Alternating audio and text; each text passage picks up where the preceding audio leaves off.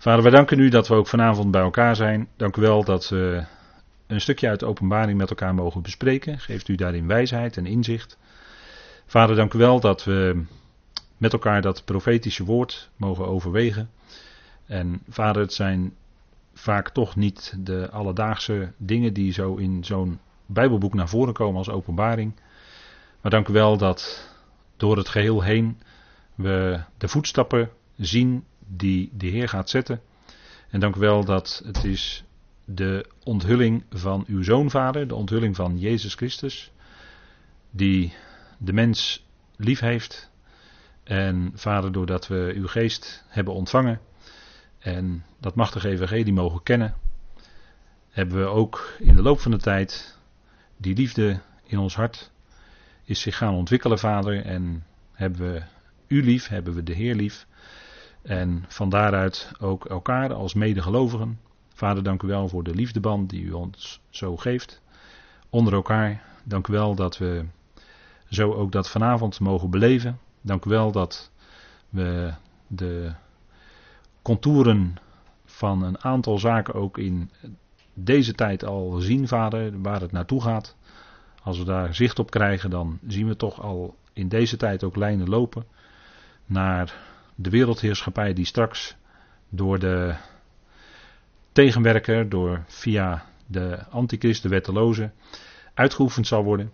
Vader, we danken u dat we mogen opzien naar u en met dat gebed ook meebidden wat in de openbaring staat. Kom spoedig, Heer, ja, kom spoedig. En we weten dat het op uw tijd zal zijn. Maar we danken u dat we eruit mogen zien en dat we er dichtbij zitten. Vader, dank u wel dat we ons daarin mogen verheugen. En dank u wel dat u ons ook vanavond wilt leiden door uw geest in het spreken en in het luisteren. Vader, u kent al onze gedachten, u kent ons hart.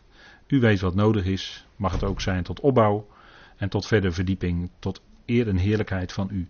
Vader, daar dank u voor in de machtige naam van uw geliefde Zoon, onze Heer Christus Jezus. Amen. Goed, wij gaan verder vanavond met studie 37 alweer. Zie ik boven deze dia staan, dus dat is nogal wat. En we zien daar een afbeelding van een boodschapper die op de bazuin blaast, of die op een zilveren trompet blaast. Dat is natuurlijk een uh, voorstelling van degene die dit zo getekend heeft. Want uh, boodschappers die hebben in de regel, uh, lezen wij, niet vleugels. Gerubim wel, maar als het om hemelse boodschappers staat, die bij gelegenheid op aarde komen, die zaten of die waren bij het graf bijvoorbeeld aanwezig toen de Heer was opgestaan. Um, nou, zulke boodschappers als die zich manifesteren bij de mensen, dan hebben ze geen vleugels. Maar dat geldt bijvoorbeeld wel voor de cherubim die bij gelegenheid voorkomen. dan wordt er gesproken over meerdere vleugels. Dat, dat soort visioenen hebben we ook met elkaar opgeslagen. En de serafs, dat is dan weer een andere, uh, waarschijnlijk een andere categorie om het zo maar te zeggen. Maar goed, hier zien we in ieder geval een boodschapper die blaast op de zilveren trompet. Want het woord bazuin in de Bijbel kan zowel voor een zilveren trompet gebruikt worden als voor de bekende shofar. Maar dat zijn dus twee verschillende blaasinstrumenten die in de Bijbel dan allebei met bazuin worden vertaald. En dan moet je kijken in de grondtekst wat het precies is. En dat is wel van belang. En in dit veertiende hoofdstuk zien we ook dat die boodschappers een, een belangrijke rol spelen. Omdat zij dingen zeggen. En die dingen zijn van belang. Uh, boodschappers die delen dus mee in dat gericht wat in openbaring wordt uitgevoerd. we zien op meerdere momenten zien we series van boodschappers, om het zo maar te zeggen. Boodschappers die bazuinen.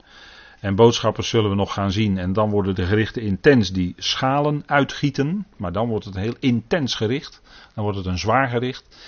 En boodschappers die zijn ook ten dienste van hen die de redding uh, verkrijgen. Uh, zegt Hebreeën. En dat, is dan, dat geldt dan Israël. Hè? Die uh, ondersteunen Israël bij gelegenheid. En zelfs toen de Heer in Gethsemane was. Toen kwam zelfs bij die gelegenheid ook een boodschapper, staat er, meen ik in Lucas, die uh, de Heer op dat moment even bijstond. Hè? Dat was een hemelse boodschapper. Dus die spelen wel een belangrijke, hebben een belangrijke functie in Gods plan. En dat is wat we ook zien in Openbaring 14. de vorige keer zijn we geëindigd bij vers 5 en daarvan, werd, daarvan uh, wordt van diegenen gezegd die daar bedoeld worden, dat er geen bedrog in hun mond is gevonden. Daar hebben we toen mee afgesloten. Um, dat ging over die 144.000. Uh, eh, waarvan we hebben gezien dat dat uh, hoogstwaarschijnlijk dezelfde groep is als in openbaring 7. En we hebben ook de verklaring daarvan de vorige keer met elkaar besproken. Dat het van twee verschillende gezichtspunten wordt benaderd. He, dus uh, openbaring 7 openbaring 14. 144.000, dat is dezelfde groep. 12.000 van de verschillende geslachten van Israël. En dan 12 keer 12.000, 144.000. En van hen wordt gezegd, uh, in hun mond is geen bedrog gevonden. Met andere, wonden, met andere woorden, zij verkondigen de waarheid. En dat is ook wat uh, in de diverse profetieën naar voren komt. Um, bijvoorbeeld uh, kunnen we even kijken in Malachi 2 vers 7. Malachi 2 vers 7, laten even met elkaar opzoeken want dat is, uh, kijk, waarheid. En als je dat negatief zegt, dan is het geen bedrog. Geen leugen is waarheid. Um, en dat is ook wat in onze tijd vandaag uh, heel moeilijk is. He, waarheid. Als je het hebt over waarheid met mensen, dan wordt er al snel gesuggereerd dat je eigenlijk de waarheid niet kan kennen. En dan is het eigenlijk ook heel aanmatigend als je zegt, ja, maar dit en dit en dat, dat brengt Gods woord naar voren en dat is de waarheid. Nou, dat mag je uh, sowieso in de wereld eigenlijk al niet zeggen. Maar onder gelovigen wordt het ook steeds moeilijker. Hè, dat, uh, uh, omdat men toch een. En dat, dat is wat Paulus ook zegt over de laatste dagen. En daar leven we zeker in. We leven, als u het mij vraagt, echt in het laatste van de laatste dagen. Dat de mensen zich dan zullen afkeren van de waarheid. Hè, omdat hun gehoor wordt gekieteld. En dan uh, verzamelen ze zich leraren naar hun eigen, die, die hun gehoor kietelen, laat ik het zo maar zeggen. En dan komen ze terecht bij de mythen. Dat, dat is wat Paulus in de beide brieven van Timotheus duidelijk naar voren brengt als hij het heeft over de laatste dagen. Het gehoor zullen ze af en dat gaat echt over, laat maar zeggen, in het grote geheel van de christenheid gaat het over mensen die in, de christenheid, de christenen in het algemeen, gelovigen, dan, maar dan heel breed getrokken. Maar mensen keren zich af van de waarheid. Ze willen de waarheid niet meer horen. En als je dan met eh, het evangelie naar voren komt zoals het in deze tijd zou klinken, dan geeft men toch vaak niet thuis. Of dan zeggen ze ja, dat gaat te ver. Of uh, uh, er, dat, dat is niet specifiek alleen die ene apostel. Nee, dat, je moet ook die andere twaalf erbij betrekken. En noem maar op. Hè. Nou, u kent de argumenten waarschijnlijk wel. Maar daarin zie je dat men niet, niet uiteindelijk toch niet die waarheid van het evangelie, als het er echt op aankomt, vaak toch niet wil volgen, helaas. Want het zou zo bijzonder zijn als men dat wel zou kunnen doen. Waarheid is ongelooflijk belangrijk. En Gods woord is datgene wat ons de waarheid brengt. Hè? En dat is wat uh, van die 144.000 dan ook gezegd wordt. En dat zal zeker in die tijd waarin zij zullen optreden en uh, spreken, zal dat zeker heel erg uh, precair zijn. Want zij verkondigen dus de waarheid. In hun mond is geen bedrog gevonden. Dat zal en zeker in die tijd, hè, dan spreek ik over de laatste jaarweek van Daniel, zo een beetje die tijd en misschien ook nog daar naartoe. Um, dan zal het heel precair zijn als men de waarheid spreekt. En, en zul je ook voor de waarheid uh, daadwerkelijk uh, als martelaar sterven. Dat zal heel wat Joden in die tijd, hè, heel wat leden van het volk Israël overkomen. En dat zegt Malachi ook. Malachi 2, vers 7. De, en dat is ook wat de functie is van de priester in Israël. Hè. Die moest, de, die moest dat, dat wordt toch vaak een beetje onderbelicht, denk ik. De priester in Israël was er niet alleen om de rituelen te doen, dus om de offers te brengen en de tempeldienst en dergelijke. Maar de priester in Israël was geroepen om het onderwijs te geven uit de Torah. Dat was de functie van dat was eigenlijk de belangrijkste functie van de priester in Israël. En het volk Israël zal ook in de komende tijd die priesterlijke functie uitoefenen naar de andere volkeren toe. Die priesterlijke functie is dat zij eh, de Torah, de onderwijzing, als licht naar de natieën toe uitdragen. Dan gaat het dus om het woord. En dat gaat dus dan ook om die waarheid. Hè? En dat is wat Malachi 2 vers 7 ook zegt. Voorzeker, de lippen van een priester zullen kennis bewaren. Uit zijn mond moet men de wet zoeken. En het woord wet, Torah, dat is eigenlijk onderwijzing. daar heb ik de vorige keer denk ik ook wel op gewezen. dat komt van het Hebreeuwse yara.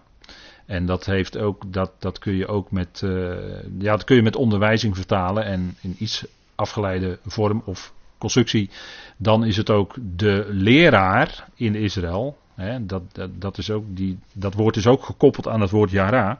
En dat is wat uh, neerdaalt eigenlijk, heeft te maken met iets van dat neerdaalt van boven naar beneden. Nou, dus het onderwijs wat van God komt en wat neerdaalt op dat volk, nou dat is die Torah, dat is de onderwijzing. En dat is niet alleen de wet van Mozes, de vijf boeken, maar dat is breder, dat is het hele Tenach. De hele Tenach is in feite Torah, is onderwijzing.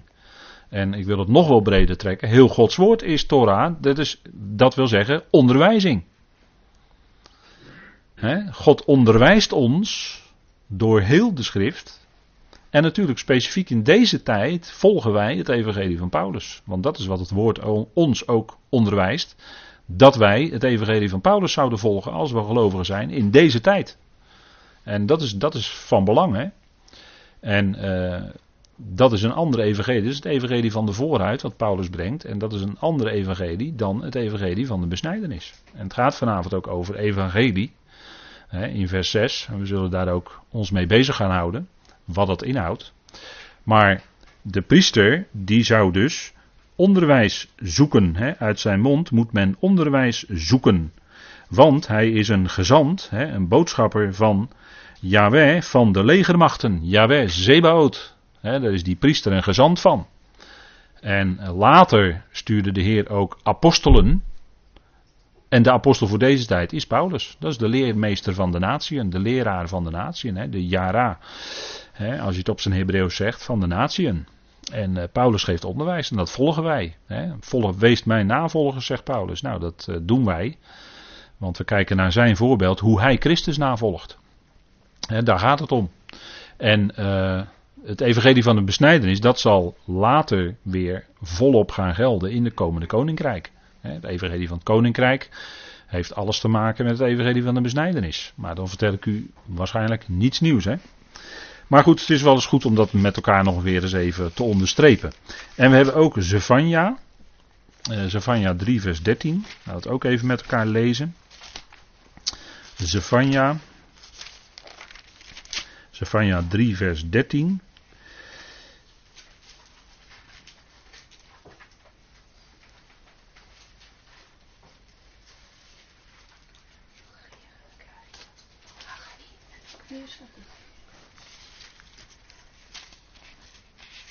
En dan lees ik even vanaf vers 12. Dat is uh, het gericht, hè? dat heeft te maken met de toekomst. Maar ik zal in uw midden doen overblijven, een ellendig en arm volk. Zij zullen op de naam van de Heer vertrouwen. De rest van Israël, hè? het overblijfsel van Israël. Het zal geen onrecht doen en geen leugen spreken. Ziet u het? Geen leugen spreken. En dat geldt ook voor die 144.000. Die zullen dan geen bedrog in hun mond hebben. Het zal ook hier staan. En geen leugen spreken. En in hun mond zal niet gevonden worden een tong die bedriegt. Ja, ze zullen wijden en neerleggen en niemand zal hun schrik aanjagen. dus er zal geen, om het zo maar te zeggen, dubbele tong zijn. Dat wil zeggen, uh, niet, uh, er zal niet met twee, uh, één persoon zal niet met twee tongen spreken. Dat wil zeggen, één persoon zal niet het een en het ander zeggen, wat elkaar tegenspreekt. Nee, men zal waarheid verkondigen. Dus waarheid, dat heeft natuurlijk ook alles te maken met eenheid, met één zijn. En met waarheid komt ook licht. Als je de waarheid ontvangt, dan ontvang je tegelijkertijd ook licht. Want licht en waarheid die horen bij elkaar. En dat is wat, uh, uh, wat de liefde ook doet. De liefde verheugt zich met de waarheid. Zegt 1 eh, Corinthië 13. Hè? De liefde verheugt zich met de waarheid. En dat is ook die geest van de waarheid die in ons werkt. door die geest uh, die in je werkt, weet je op een gegeven moment dat het waar is. Omdat Gods woord dat zegt, omdat Gods woord het bevestigt. Dat is geen gevoel, want die geest in je is geen gevoel, maar die geest in je, die uh, werkt in je hart en in je verstand. En die bevestigt in je innerlijk dat het de waarheid is. Dat weet je dan gewoon als gelovige. Daarom zegt Paulus ook regelmatig: Wij weten nu. Dan weet je dat. Dan weet je dat staat voor jou 100% vast. Dat is de waarheid.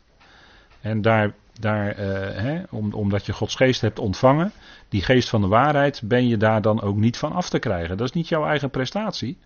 Maar dat komt omdat die geest van die waarheid in jou werkt. En die, de Heer zei het ook tegen zijn discipelen, dat die geest zou komen en dat hij de gelovigen in alle waarheid zou leiden. En alle waarheid, die vinden we terug in Gods woord. Want de geest van God en Gods woord kun je nooit van elkaar loskoppelen. dat werkt altijd samen. En bewerkt in je dat je die waarheid ook kent en erkent.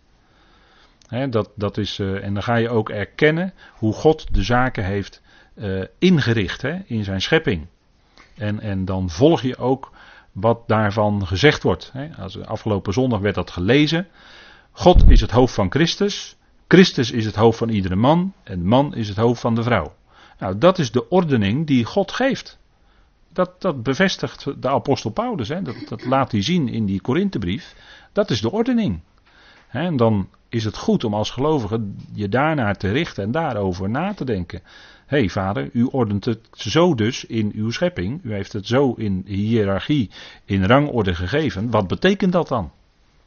Dan, dan, dan bid je, en dan ga je daar binnen mee bezig. En dan ga je zoeken wat is nu die geestelijke betekenis van wat ik hier lees in Gods woord. wat, wat betekent dat ook dan daadwerkelijk voor mijn persoonlijke leven? Heel praktisch. Nou, dat soort dingen, dat vind je dus in Gods woord terug. En dat is wat uh, waarvan we weten, kijk, dat is waar, dat zijn dingen die waar zijn. En dan, op basis daarvan, ga je ontdekken, hé, hey, dat gaat dus zo uitwerken in mijn leven. En daar wil ik mij dan ook naar richten. Nou, van de Heer werd ook gezegd, hè, die teksten die eronder staan op deze dia, Jezaja 53, hè, dat wordt aangehaald in 1 Petrus 2, hè, dat van de Heer ook wordt gezegd, en Petrus was natuurlijk heel nauw met hem omgegaan, jarenlang. die had met de Heer opgetrokken, minstens drie jaar lang. En Petrus bevestigde het ook in zijn brief. Ja, in zijn mond was geen bedrog. Hij sprak de dingen die waar zijn. Juist ook in de soms hele felle gesprekken met de schriftgeleerden en de fariseeën. Maar de Heer spijkerde het vast, de waarheid. Er was geen bedrog, er werd geen bedrog in zijn mond gevonden dat is, uh, en, en hij leefde dat ook. Wat hij zei, dat leefde hij ook. Hij was consequent. En, en hij, hij wist zich door vader gezonden. En zo leefde hij die waarheid van God leefde hij uit. Hè, zoals dat zijn loopbaan was hier op aarde. Nou, dat bevestigt Petrus. Hè. Er werd geen bedrog in zijn mond gevonden. Hij was zonder zonde. Hè. Dat betuigt de schrift keer op keer, hè, onze Heer. Goed, Openbaring 12, 13 en 14, deze hoofdstukken. Uh, wij weten onder andere dat dit een langer gedeelte is, namelijk het tempelgedeelte van Openbaring. En de hoofdstukken 12, 13 en 14, die hebben eigenlijk als onderwerp de religieuze of godsdienstige verlossing van Israël. Dus is, wordt dan even uit dat grotere verband, lichten we deze hoofdstukken er even uit en stellen vast, hier gaat het om de religieuze verlossing van Israël. En dat is dan in het tempelgedeelte, hè, religie, godsdienstig. Het gaat hier om de tempel. En dat hebben we gezien vanaf hoofdstuk 11, hè, loopt dat langere hoofdstuk. De religieuze verlossing. En u ziet hier het plaatje van uh, wat zeer omstreden is natuurlijk. Hè, de westelijke muur is dit. De westelijke muur. Waar veel gebeden wordt. En dat uh, bevindt zich uh, in het oosten van Jeruzalem. En natuurlijk is dat een van de punten die al vele, vele jaren, sinds 1967, het onderwerp is van allerlei discussie. Politieke spanningen, politieke gesprekken, vredes, toewerken naar vredesregelingen. Enfin, de kranten staan er elke dag, de nieuwsberichten staan er elke dag vol van. Dus we weten daar genoeg van. Hè? Maar dit is natuurlijk een zeer omstreden gedeelte. En als u het mij vraagt, zal de wetteloze, die zal ook op de helft van de jaarweek de mogelijkheid om hier te bidden stoppen. Als u het mij vraagt. Er wordt gesproken over dat het voortdurende. Het voortdurende. En dan zou je ook onder meer hier aan kunnen denken, die gebeden die elke dag hier gedaan worden. Uh, behalve op Shabbat, hè, dan is het uh, stil. Maar de gebeden die hier elke dag gedaan worden, dat zal dan stopgezet worden. Als de wetteloze zijn, om het zo maar te zeggen, zijn ware gezicht laat zien op de helft van de jaarweek. Hè. Daar hebben we met elkaar al bij uh, stilgestaan. En mogelijk ook een, een herbouwde tempel waar op een of andere manier een ritueel bij plaatsvindt. En dat zou je ook onder dat het voortdurende kunnen scharen. Um, dat zal dan ook stopgezet worden. Want dan zal diegene de aanbidding op gaan eisen. Hè, de aanbidding van het beest en het beeld van het beest, zoals we dat ook zullen zien. Openbaring 14. En we zien daar inderdaad een boodschapper. Openbaring 14, vers 6. Openbaring 14, vers 6. En laten we dat even met elkaar lezen, die versen. En we lezen dan even wat die boodschapper die we daar dan zien, wat hij zegt. Want dat is al, daar zit al heel veel in. En ik zag een andere engel, boodschapper, die hoog aan de hemel vloog. En hij had het eeuwige evangelie om te verkondigen aan hen die op de aarde wonen en aan elke stam, natie, taal en volk. En er zei met luide stem: Vrees God en geef hem eer, want het uur van zijn gericht is gekomen. En aanbid hem die de hemel, de aarde, de zee en de waterbronnen gemaakt heeft. En een andere engel volgde die zei: Zij is gevallen, zij is gevallen, Babylon, de grote, omdat zij alle volken van de wijn van de toren van haar hoererij heeft laten drinken. En een derde engel volgde hen, die met een luide stem zei: Als iemand het beest en zijn beeld aanbidt en het merkteken op zijn voorhoofd of op zijn hand ontvangt, dan zal hij ook drinken van de wijn van de toren van God, die onvermengd is ingeschonken in de drinkbeker van zijn toren, en gepijnigd worden in vuur en zwavel voor het oog van de heilige boodschappers en van het lam. En de rook van hun pijniging stijgt op tot in alle eeuwigheid, en zij die het beest en zijn beeld aanbidden, hebben dag en nacht geen rust, Evenmin als iemand die het merkteken van zijn naam ontvangt. Hier zien we de volharding van de heiligen. Hier komen openbaar die de geboden van God en het geloof in Jezus in acht nemen. En ik hoorde een stem uit de hemel tegen me zeggen: Schrijf. Zalig zijn de doden die in de Heer sterven, van nu aan. Ja, zegt de geest, opdat zij rusten van hun inspanningen en hun werken volgen met hen. Nou, tot zover even dan dit stukje vers 6 tot en met 13, waar we dan vanavond verder bij stilstaan. En ik weet niet hoe ver we daarin komen. Maar we zien dus een andere boodschapper en dan staat er die in het midden van de hemel vloog. dus die wordt centraal gesteld in het midden van de hemel. hoe we dat dan in het Bijbelse wereldbeeld moeten zien, dat is uh, moeilijk, dat is lastig. in het midden van de hemel, dat is toch dan centraal kennelijk. Uh, op een of andere manier zal dat dan toch uh, doordringen, die boodschap, die die boodschapper gaat uh, brengen. Uh, het midden van de hemel, we lezen in de Bijbel ook wel eens van het ene uiterste van de hemel tot het andere uiterste. En toen heb ik ook wel eens gezegd van, denk daar maar eens over na. Hè, het Bijbelse wereldbeeld. Het ene uiterste van de hemel tot het andere uiterste. Hoe moet je dat dan zien? Nou, goed, geef het maar mee in overweging. En hier dan het midden van de hemel en de hemel, als we in de schepping kijken. God noemde het uitspansel. In het begin was een, werd er een uitspansel gemaakt. Hè? Rakia in het Hebreeuws. Dat is wat strak uitgespannen staat. Al was het, als was het een tent. Daar moet u dan aan denken. Hè? Zo, dat, dat wordt, zo wordt het in de Bijbel ook voorgesteld. Hè? In, in meerdere teksten. En ehm, uh, dat, dat uitspansel, dat staat er in Genesis 1. Hè? God noemde het uitspansel hemel of hemelen. In het Hebreeuws staat het altijd in het meervoud. Shamayim. Hè, dat heeft ook te maken met plaatsen. Want Shem, uh, dat is ook plaats. Dat, dat, is hetzelfde begrip. Shamayim heeft ook te maken met Shem, heeft ook te maken met naam. Dat is in het Hebreeuws allemaal met elkaar verbonden.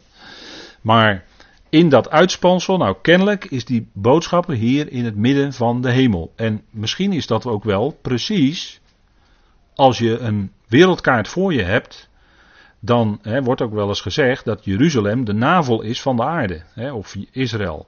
Precies het midden, als je de kaart kijkt.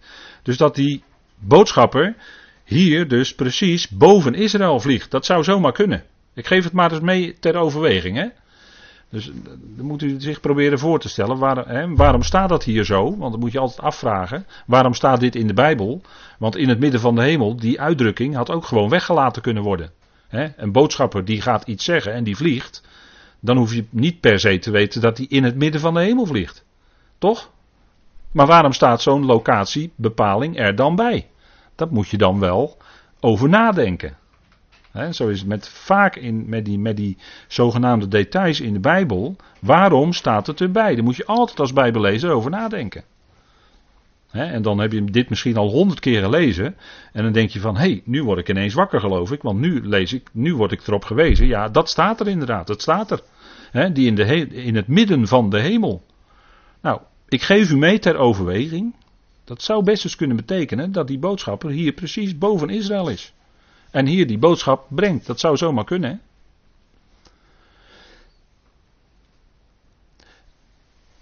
En dan gaat hij, gaat die boodschapper spreken. En die had een eeuwig evangelie. Nou, we struikelen hier natuurlijk al over het woordje eeuwig. evangelie is natuurlijk goed nieuws, is een goed bericht, is uh, een blijde boodschap. Dat weten we. Maar er zijn heel wat evangelieën in de Bijbel. Ik heb er hier maar een stuk of vier erbij gezet. Maar dat is lang niet uitputtende reeks natuurlijk. Maar ehm, dat woord evangelie komt natuurlijk wel vaker voor. en uh, vanuit het Hebreeuws uh, heeft dat te maken, evangelie, heeft dat te maken met uh, een belofte, een belofte die werkelijkheid wordt. Uh, in het Hebreeuws wordt dan gezegd bezor of bazar, hè, dat is het woord voor vlees, maar dat woord wordt ook vertaald met uh, evangelie verkondigen. Hè, dat Hebreeuwse werkwoord bazar wordt ook vertaald met evangelie verkondigen. Dat wil zeggen dat er, er is een belofte gegeven en die belofte die gaat in de tijd natuurlijk een keer werkelijkheid worden. Net zoals bij Abraham en Sarah, die allebei lachten, toch Isaac kwam. God had die belofte gegeven. Het duurde een jaar of 13, 14. Maar Isaac kwam toch hoor. Het werd toch werkelijkheid. Het werd toch vlees. Want ze hadden Isaac in hun armen. En toen was die belofte werkelijkheid geworden. Dat was evangelie. Hè? En dat was werkelijkheid geworden. Dat wilde het Hebreeuwse woord uitdrukken. Hè? Het eeuwig evangelie. Het goede nieuws. Maar wat is nou dat eeuwige evangelie? Nou, daar komen we nog op.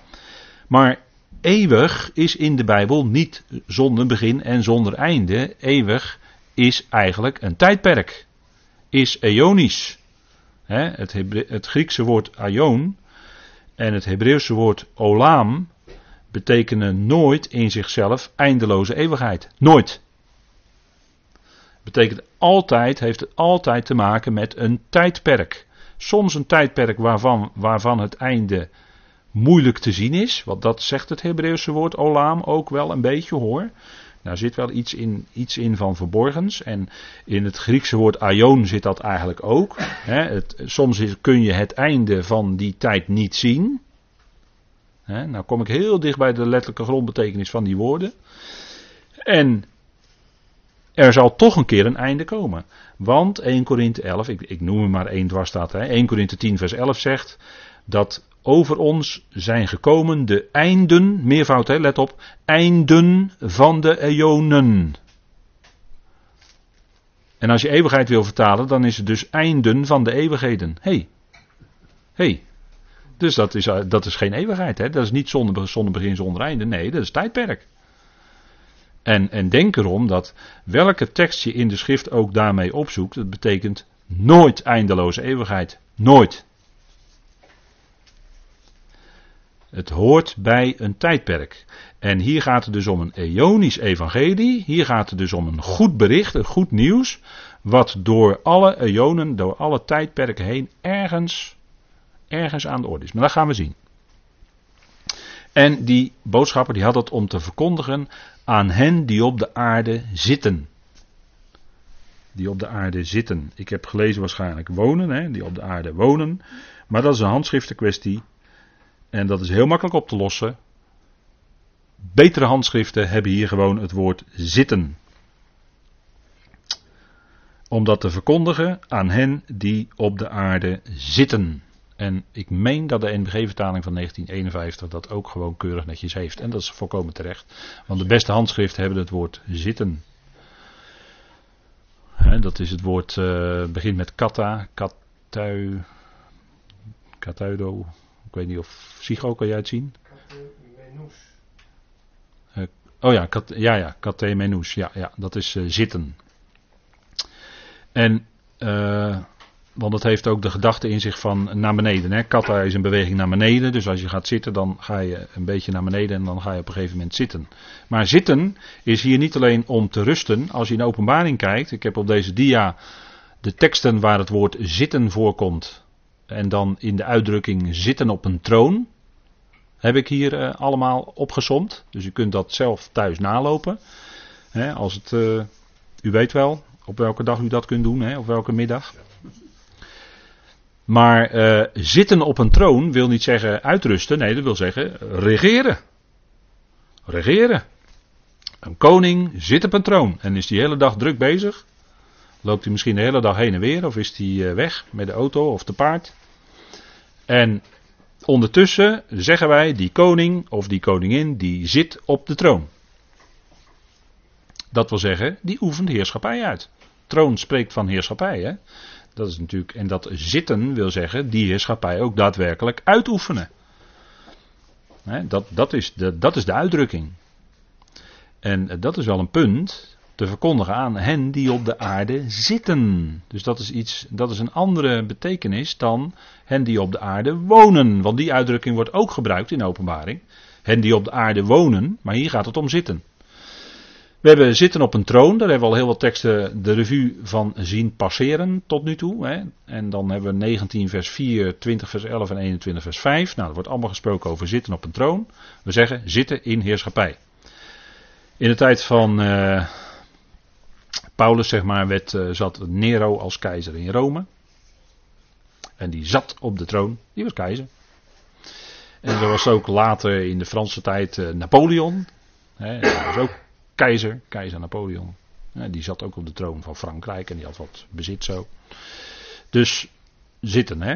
Nou, dan hebben we nog meer uitdrukkingen in de openbaring. Namelijk zitten op een paard. U weet wel, de ruiter op het witte paard. In uh, openbaring 6. dat is niet de antichrist, maar dat is. Uh, nee, dat is niet uh, Christus zelf, maar dat is de antichrist. Hè? De ruiter op het witte paard, openbaring 6 er is natuurlijk andere uitleg.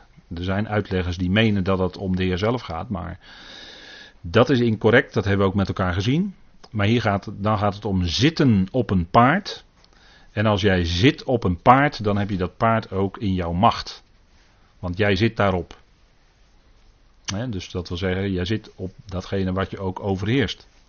En dan hebben we, uh, dus dat zitten, dat, dat duidt echt op de heerschappij hebben over of macht hebben over. En dan heb ik ook zitten op een wolk. En dat is wat we nog gaan zien de volgende keer. In openbaring 14, als het gaat om de oogst.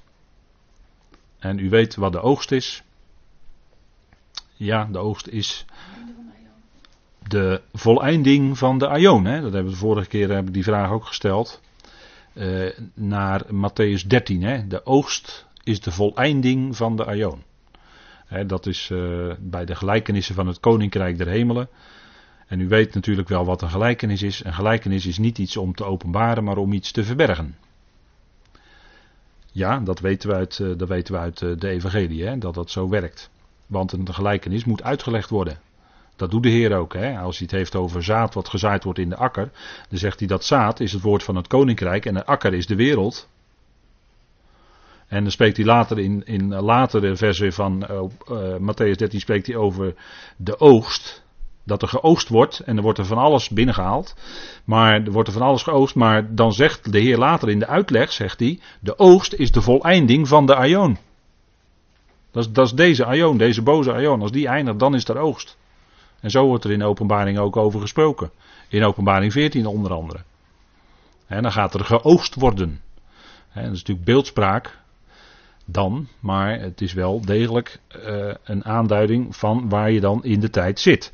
Dus degene die zit, die heeft heerschappij.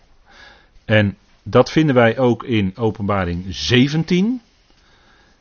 In dit stukje gaat het even heel kort over Babel, Babel, of Babylon. En waarom dat heel kort is, dat zullen we ook nog gaan zien. Want dat wordt later veel uit, uitgebreider besproken. Er worden dezelfde bewoordingen ook gebruikt. Maar zitten wil dus zeggen niet rusten, maar autoriteit en macht uitoefenen. Hebben we net met elkaar voorbeelden gezien, kunt u allemaal nalopen in de schrift. En dan hebben we openbaring 17, de grote hoer die zit op, die zit. En ik heb het hier even rood aangemerkt om het even eruit te laten springen. Die zit op vele wateren. En nu weten we dat dat zitten dus heerschappij uitoefenen betekent. Hè? Die vrouw die zit op een scharlakenrood beest.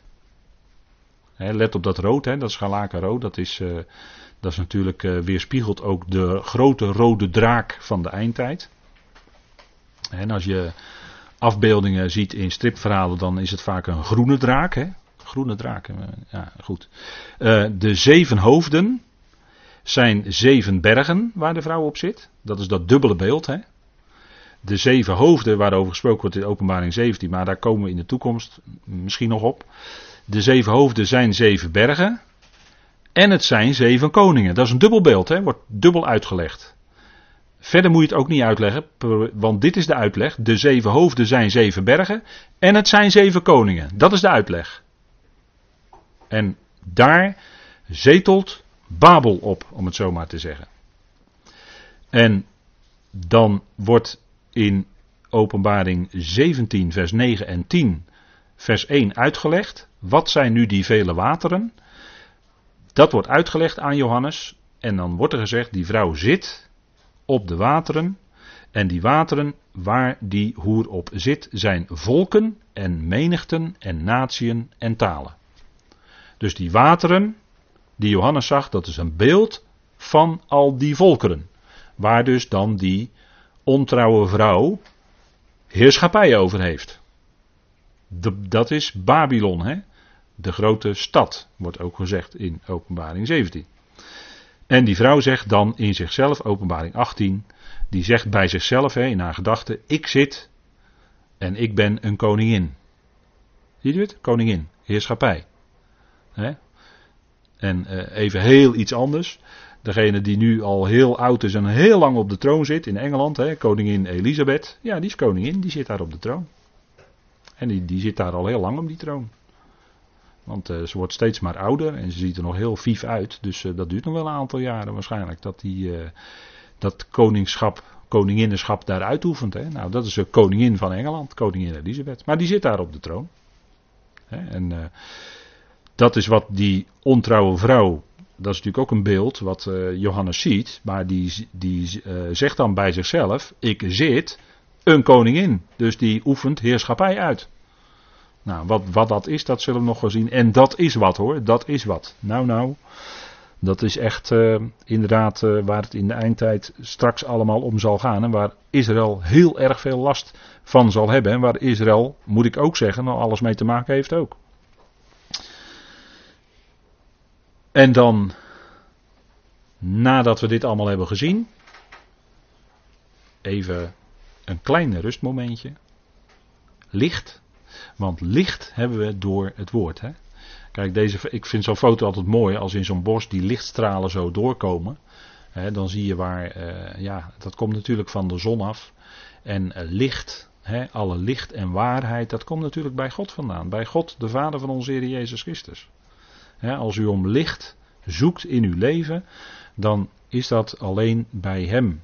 want God is licht en in Hem is in het geheel geen duisternis. Dat is dat geweldig. Hè? God heeft alles geschapen. Alle waarheid komt bij Hem vandaan. Hij is de bron van alles. En uiteindelijk zal Hij ook aan het einde er zijn. Hè? Zoals, uh, en de Heer weerspiegelt dat. Als Hij zegt: Ik ben de Alpha en de Omega. Ik ben het begin en het einde. Ik ben de eerste en de laatste. dat is, ik vind het altijd fantastisch dat de Heer zegt: Ik ben de laatste. Dus aan het eind van Gods plan, dan is daar de Heer en de Heer is redder. Fantastisch. Dat is echt iets waar je over kan verheugen. Want aan het eind, ja, dan zal alles inderdaad terechtgekomen zijn. En dan is er inderdaad ontzettend veel gebeurd. In dat hele grote plan van eonen. Maar dan is het, daarna is er ook rust, definitief. En dan zal het geweldig zijn. En dat zal na de Ionen, dan zal het inderdaad zonder einde zijn. Eindeloos. En dat is fantastisch. En dat is het licht wat wij nu al uh, mogen, waarin we ons nu al mogen verheugen. Hè, waar, waarin we gezet zijn in dat licht. En, en, en denk erom dat je dan veel licht hebt mogen ontvangen. Als je dit kan verstaan, als je dit kan begrijpen, als je dit, als je dit gelooft, dan is dat enorme genade dat je dit, dat je dit mag kennen zo. Dat je dit mag weten zelfs met je hart, dat je er blij mee bent. dat, je, dat je ziet waar God naartoe op weg is. En uh, de, de weg die die met ieder van ons gaat, ja, is vaak moeilijk. En we zoeken naar licht voor de volgende stap die we moeten zetten in ons leven. En de Heer geeft dan net, vaak net genoeg licht voor die volgende stap. Maar hoe het dan over een maand moet, of over, over, hoe het over een jaar moet, weten we ook niet. Tasten we ook over in het duister in ons leven. Maar God die overziet die hele weg al. Hè. Alles is ook door hem. Dat is het punt voor ons. Alles is ook door hem. Maar hij werkt alles uit tot het goede. En hij geeft ook dat licht dat we dat gaan zien. En achteraf als we terugkijken, dan zien we het ook ineens. Hey, zo is het gegaan. Ja, kennelijk heeft het zo gemoed. En nu zie ik dat het inderdaad ten goede was. Want zoals het nu loopt in mijn leven, ja, al die moeilijkheden, al die verwikkelingen die er waren, het heeft zich toch uitgewerkt, ook in mijn leven, ten goede. En, en soms zie je dat misschien nog niet. Zeg je waar, en, en tas je nog in het duister waarom bepaalde gebeurtenissen er zijn geweest in je leven. Dat kan, maar daar krijg je later absoluut antwoord op. Dan ga je het zien. Dan geeft God het licht dat je, dan werpt hij zijn licht daarop dat je het ook ziet. En dat hebben we nodig. Licht in ons, innerlijk, in ons hart, in ons verstand, het licht van het woord van God, opdat we zien, hè, daar, daar bidt Paulus ook voor, dat we zien wat de verwachting van onze roeping is. Dat is een hele andere dan die van Israël, waar we nu in openbaring mee bezig zijn. Dat is de verwachting van Israël, waar Israël doorheen moet. Maar voor ons is een hele andere verwachting. En dat, daar, daar hebben we die geest van wijsheid en onthulling voor nodig. Daar bidt Paulus dan ook om in Efeze 1. Dat we zien wat de verwachting van onze roeping is. En dat is heel belangrijk. Dat is een heel belangrijk punt. En uh, dan heb je ook licht, hè? dat is fantastisch. Daar kun je dagelijks de Heer wel voor danken, denk ik. Nou, dat even tussendoor, om het zo maar te zeggen. Die boodschap die wordt gebracht aan hen die op de aarde zitten. En omdat het woord zitten hier nou wordt gebruikt in Openbaring 14, vers 6. En we hebben nu dat vergeleken met andere schriftplaatsen. Dat woord zitten heeft toch iets te maken met heerschappij, regering uitoefenen. En deze boodschapper die spreekt dan onder meer zeker ook tegen hen die op de aarde zitten. Dat we zeggen de leiders van die grote Babylonische afvalligheid, om het zo maar te zeggen. daar spreekt die boodschapper ook tegen. Want dat zal ze natuurlijk daar allemaal in dat Midden-Oosten gaan afspelen. Je hebt in de eindtijd twee grote steden tegenover elkaar, om het zo maar te zeggen. Dat is Jeruzalem. Binnenkort weten we, komt daar ook die ambassade van dat hele grote machtige land in de wereld. dat gaat volgende maand allemaal gebeuren. En daartegenover heb je straks in de eindtijd Babel of Babylon. En lang is daar natuurlijk lacherig over gedaan, omdat Babylon eigenlijk niet echt bestond. Ja, als heel klein, als heel klein plaatsje nog, maar heel veel ruïnes enzovoort. Totdat Totdat er een leider kwam in Irak die Babylon ging herbouwen. Hé, hey, hé. Hey. En toen ging het veranderen. En toen verging het lachen bij velen, want toen bleek ineens wat uitleggers van de profetie al in misschien al eind 18e eeuw zeiden, en zeker in de 19e eeuw, goede uitleggers van de schrift die de schrift volgden, die zeiden Babylon gaat herbouwd worden. Babylon gaat herbouwd Zeiden ze 100, 150 jaar voordat het daadwerkelijk ging gebeuren, zeiden ze dat op basis van de schrift. En wat zien wij in de jaren 80 van de vorige eeuw? Die leider van Irak, die gaat de stad Babylon laten herbouwen. Kijk, vervulling van profetie. En zo zien we dat Gods woord betrouwbaar is tot en met. Hè? De leiders van de grote Babylonische afvalligheid. En uh, tegenwoordig, ja, als het gaat, eh, ik begon wat over waarheid vandaag, maar als, als het gaat om waarheid, nou dan hebben we tegenwoordig in onze tijd wel een Babylonische spraakverwarring. Hè? Want gaat maar over welk onderwerp dan ook hebben met iemand, nou, de, of met meerdere mensen, iedereen heeft een andere mening en de verwarring, de verwarring, niemand weet hoe het zit. Pak maar een onderwerp, niemand weet hoe het zit. Verwarring is er op alle gebieden, over alles. De verwarring is eh, zo, zo groot. dat, uh, dat er gaat, dat, dat was vandaag in het nieuws ook. Ehm, er gaat een wet in Californië aangenomen worden. Eh, op basis waarvan zijn sommigen bang, ik weet niet of het echt zover zou komen, maar op basis waarvan men mogelijk zelfs de Bijbel in het openbaar zou kunnen verbieden. Dus zover zijn we al, hè? En dat heeft te maken met. Um, ja, dat, ik, ik weet nooit die volgorde van die letters. U weet wat ik nu ga zeggen, hè? L, L, B, L, G, B. en het eindigt met een Q, hè, geloof ik. Van uh, question mark, ja. Nou goed, daar heeft het allemaal mee te maken, die wetgeving. En uh, ja, dan mag, je dus, uh, niet, dan mag je dus niet meer zeggen dit of dat. En dan mag je ook niet meer boeken citeren die zeggen dit of dat. En daarin, daar, daar heeft de Bijbel natuurlijk alles mee te maken. Dus u begrijpt dat die zorg die daar is van, uh, van een aantal gelovigen daarover, ja, dat is misschien uh, niet zo, uh, ja, niet zo irreëel, hè. Want ja, het moet natuurlijk komen. En dat zijn die lijntjes die zo denk ik in deze tijd al lopen richting de eindtijd. Hè, wat, we, wat we straks zullen gaan zien, die verplichte religie voor iedereen. Dat dan straks de, de Bijbel inderdaad een verboden boek is net zoals het eh, heel lang bij de Rooms-Katholieke Kerk op de index heeft gestaan. U weet wat de index is in de Rooms-Katholieke Kerk. Dat is een lijst van verboden boeken. De Bijbel stond op de index eeuwen en eeuwen lang van de Rooms-Katholieke Kerk. Zoekt dit maar na, staat gewoon in Wikipedia, kunt u gewoon opzoeken. Zoek maar na op internet, ga maar even googlen en kunt het zo terugvinden. Bijbel, lijst van verboden boeken binnen Rooms-Katholieke Kerk, hè? stond die eeuwenlang op.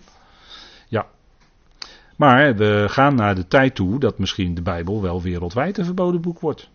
Als straks die verplichte religie van de, de, de tegenwerker wordt opgelegd. Ja, het zou zomaar kunnen. Kijk, en die Babylonische afvalligheid, die zou komen over, en dat is wat in het verlengde daarvan gezegd wordt in vers 6, uh, eh, hen die op de aarde zitten en aan elke natie, stam, taal en volk. En dat zal Babylon ook overheersen, want Babylon, daarvan wordt ook gezegd, die heeft een koninkrijk op of over de koninkrijken van deze aarde. Wordt gezegd aan het eind van de openbaring 17. Dus Babylon zal straks alles overheersen. En dus over elke, dat is die vrouw die daar zit op vele wateren. En de uitleg zegt dan dat het is natieën, stammen, talen en volkeren. Hebben we met elkaar gelezen hè, daarnet. Dat is de uitleg. En dus dat, dat gaat opgelegd worden over heel die mensheid. Hè? En het beest staat ook in 13 vers 7. Hebben we onlangs nog behandeld met elkaar. Openbaring 13 vers 7. Dat aan het beest macht werd gegeven om oorlog te voeren. En hem werd macht gegeven, staat er in openbaring 13 vers 7, over elke stam, taal en volk. Dus het zal wereldwijde heerschappij zijn, die uitgeoefend wordt. Daar gaan we natuurlijk naartoe. Daar is die draak op uit. Hè? En die eist dan de aanbidding, want in dat beest aanbidden ze dan eigenlijk de draak. Dat staat ook met zoveel woorden in openbaring 13. Want daar is het natuurlijk allemaal om te doen. En wie worden dan aangesproken door de boodschapper? Nou, we hebben gezien hen die zitten, dus ook zeker de leiders die worden aangesproken. En of ze daar gehoor aan geven, dat is natuurlijk heel wat anders. Maar het wordt wel aangezegd. Um, kijk, wie zijn er dan in veiligheid? Nou, dat hebben we gezien in openbaring 12. Die met sterren gekroonde vrouw is veilig. dat is natuurlijk een beeld van Israël, openbaring 12. He, die dan die mannelijke zoon voortbrengt. En daar hebben we natuurlijk uitvoerig bij stilgestaan. Die mannelijke zoon is ook veilig. Die wordt ook in veiligheid gebracht, zo ook openbaring 12. En de 144.000 die worden ook beschermd, want die zijn verzegeld aan hun voorhoofd. En die worden beschermd, die worden bewaard. Maar wat gebeurt er dan? Want dan hebben we nu een aantal groepen, om het zo maar te zeggen, genoemd in, uh, van Israël. Een aantal groepen van Israël betreft dit. Maar wie zijn er dan nog meer? Nou, die lezen wij in Openbaring 12, vers 17. De rest van haar zaad, die de geboden van God bewaren en het getuigenis van Jezus hebben. Dat zijn Messias-gelovigen uit Israël. Want haar zaad, dat wil zeggen van die vrouw, dat is Israël. Dus dat zijn Israëlieten die in de Heer Jezus als Messias geloven. En ook die geboden van God vasthouden. Wat gebeurt daarmee? En daar zien wij het volgende van. Aan die groep. Hè, want er zal, er zal daarna natuurlijk uit die grote verdrukking, hebben we ook met elkaar gezien, een menigte komen die niemand tellen kan. Hè, dat is dus een hele grote menigte. En dat zijn ook Israëlieten. Want zij komen uit elke stam, natie, taal en volk. Hè. Dat hebben we met elkaar gezien. Dat was openbaring 7. Dat is al wat langer geleden. Maar dan moet u die hoofdstukken nog maar eens bijpakken en dat nalezen. Dat is die menigte die niemand tellen kan. En dat zijn ook uh, Israëlieten hè, die uit die grote verdrukking komen. Het Ionische Evangelie wordt aan hen gericht. Dus aan de rest van haar zaad. En die dus gelovigen zijn uit Israël in die tijd. Zij worden gewaarschuwd. Want de val van Babylon, vers 8. Hè, zij is gevallen, zij is gevallen, Babylon, wordt er dan gezegd. Zij worden met pijniging bedreigd als zij het beest aanbidden, dus dat is een waarschuwing. Dus hier wordt het woord echt gericht tot die groep gelovigen uit Israël. En die worden ook gewaarschuwd, als je toch het merkteken aanneemt of dat beest gaat aanbidden, dan zul je ook te maken krijgen met een gericht. En uit hen komen de martelaren. Zij worden ook omgebracht, omdat zij inderdaad hun knieën niet willen buigen. En dan word je gedood in die eindtijd. Dat hebben we ook met elkaar gezien. Als, je, als je niet meedoet aan die verplichte aanbidding, net als in de tijd van Daniel, dan word je gedood. De tijd van Daniel was natuurlijk een type, een typologische, profetische heenwijzing, die gebeurtenissen in Daniel 3 dat ze dat, dat, beeld, dat gouden beeld van Nebukadnezar moesten aanbidden. Dat is natuurlijk een profetische heenwijzing naar wat in de eindtijd gaat gebeuren. Daar, wordt er ook, daar worden ook beelden van beesten opgericht, hè, beelden opgericht, waarvoor men moet, eh, die men moet aanbidden. En anders eh, is de doodstraf is daar. dus die hele geschiedenis van Daniel 3, dat is profetisch. Heb ik wel eens meer gezegd. Hè. Daniel 4 is ook profetisch. Hebben we toen met elkaar besproken, hè, Daniel 4, over die bomen enzovoort. Hè, en uh, dat uh, Nebukadnezar zeven tijden gras at enzovoort. En daarna zijn verstand in hem terugkeerde. Dat is ook allemaal profetisch hoor. Is niet alleen zomaar een, een, geschiedenis, wat echt gebeurd is, maar het is ook profetisch. Nou, zij worden geoogst, hè? want er wordt in vers 14, of hoofdstuk 14, vers 15 en 16 gesproken over oogst. En het is dan het wijnjaar, oftewel de wijnpers. Let op het woord pers, hè? Persbak, dat is een gat. Een gat is een persbak. Vandaar Gethsemane, hè, dat is de olijfpersbak, weet u wel. Een gat of een geet, hoe je het uit moet spreken. Gethsemane is de olijfpersbak. En daar was de Heer, hè, toen hij, eh, vlak voordat hij moest lijden, heel tekenend bad hij in Gethsemane. Hoe tekenend kan iets zijn, hè? Hoe tekenend. in die olijfpersbak was hij. Hij stond daar al onder grote druk enorme druk. Hij had geen angst, dat staat er niet. Maar zijn ziel was wel heel erg bedrukt hè, in Gethsemane. Heel erg onder druk stond hij. Van dat komende lijden, alles wat zou gebeuren. En hij bad intens met vader. En dat was heel tekenend in de olijfpersbak. Want kijk, wat gebeurt er in de olijfpersbak? Dat zeg ik dan even vlak voordat we gaan pauzeren. Maar dat wil ik toch nog even afronden. Kijk, in die olijfpersbak, kijk, vrucht Vrucht, dat is een hele belangrijke, hele belangrijke. Vrucht, als je daarvan de inhoud wil genieten, dus ook een olijf, een olijf moet je stoten. En wat gebeurt er dan? Dan gaat die schil, die breekt. En nou is het in het Hebreeuws zo dat het woord breken dezelfde letters bevat als het woord vrucht. Het woord voor breuk is peres, let dan op de P en de resh, per. En die, dat zijn ook de beginletters van het woord voor vrucht. Fr. En dan spreek je uit als vrucht. Wij zeggen dan bijvoorbeeld Ephraim. Daar zitten die letters in. En Ephraim, dat weet u wel, dat betekent dubbele vrucht. Dat, dat, hij heette zo omdat hij het eerst geboorterecht kreeg. Hè? En bij het eerste geboorterecht krijg je het dubbele deel. Vandaar dat zijn naam is dubbele vrucht. Die dingen hebben allemaal met elkaar te maken. Hè? Maar kijk, vrucht krijg je dus als die schil breekt. En dat is wat met de Heer ook gebeurde. Hij, door, hij ging door dat enorme lijden heen. En hij werd daadwerkelijk door die kruisiging ook. Uh, hij stierf daar. Hij gaf zelf hij stierf daar. Dus zijn leven zou je kunnen zeggen brak. In zekere zin. Maar kijk eens wat na de opstanding dat dan voor een geweldige vrucht zal opleveren. Die hele mensheid.